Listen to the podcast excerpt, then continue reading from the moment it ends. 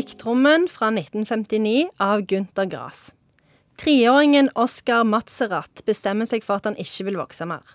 Han blir tvunget til å kommunisere med omverdenen via ei blikktromme. Og det handler òg om perioden mellom første og andre verdenskrig. Jeg får én assosiasjon når jeg hører blikktrommen. Kjempetrist. Har jeg rett i det? Ja. Og så kanskje assosiasjon nummer to er Folker Schløndorff sin film fra 1979. Den er det mange som enten har sett på hva det heter, Lørdagskinoen? Nei, ja.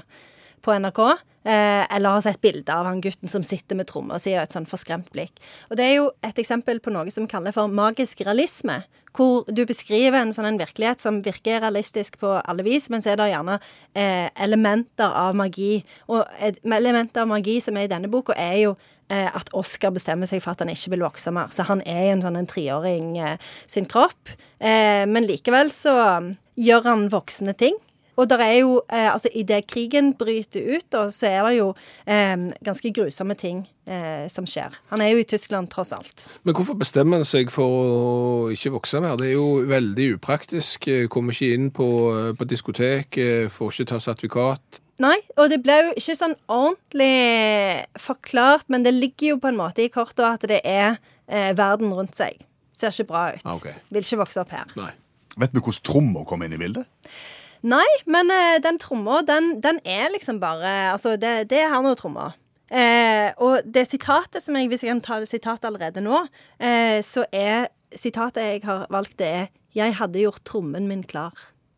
Så tromma ble jo brukt for å snakke på en måte, sånn et annet type språk. Altså I en sånn en scene så, så han eh, Så har du eh, marsjerende soldater som marsjerer nedover gata. Så står han bak tribunen, alle folk sitter og ser på og hoier og syns dette er veldig stas, mens han sitter under tribunen og så trommer en sånn valsetakt, da. Så han trommer liksom i en annen takt enn disse her soldatene. Det er jo kritikk, da, av eh, Tyskland i denne perioden. og og det er jo eh, en måte å prøve liksom å ha en annen stemme enn de stemmene som fantes i Tyskland på den tida. Gunther Grass har jo eh, vunnet priser og skrevet mange bøker. Er liksom dette boka du bør lese eh, av han? Ja, Det er liksom det som blir regna som den store eh, klassikeren i tysk litteratur på 1900-tallet. Selv om det finnes jo veldig mange store tyske forfattere i denne tida, eh, så, så er liksom Blikktrommen en av de kjernebøkene, da. Er det ei eh, omfattende bok? Lang bok? Ja, han er ganske lang, faktisk. Og han er jo deprimerende. Så jeg hadde jo gått for oppsummeringen heller enn å lese den. Jeg vurderer filmen, faktisk. Ja, kanskje, men den òg er ganske deprimerende. Ok. Klarer du å oppsummere blikktrommen for oss? Det høres jo nesten ut som det er bok her vi anbefaler å ikke lese, og en film vi anbefaler å ikke se. Men tre år gamle Oscar vil i hvert fall få store problemer med å komme inn på diskotek, ta sertifikat og få lov til å stemme ved et framtidig valg. Komplisert.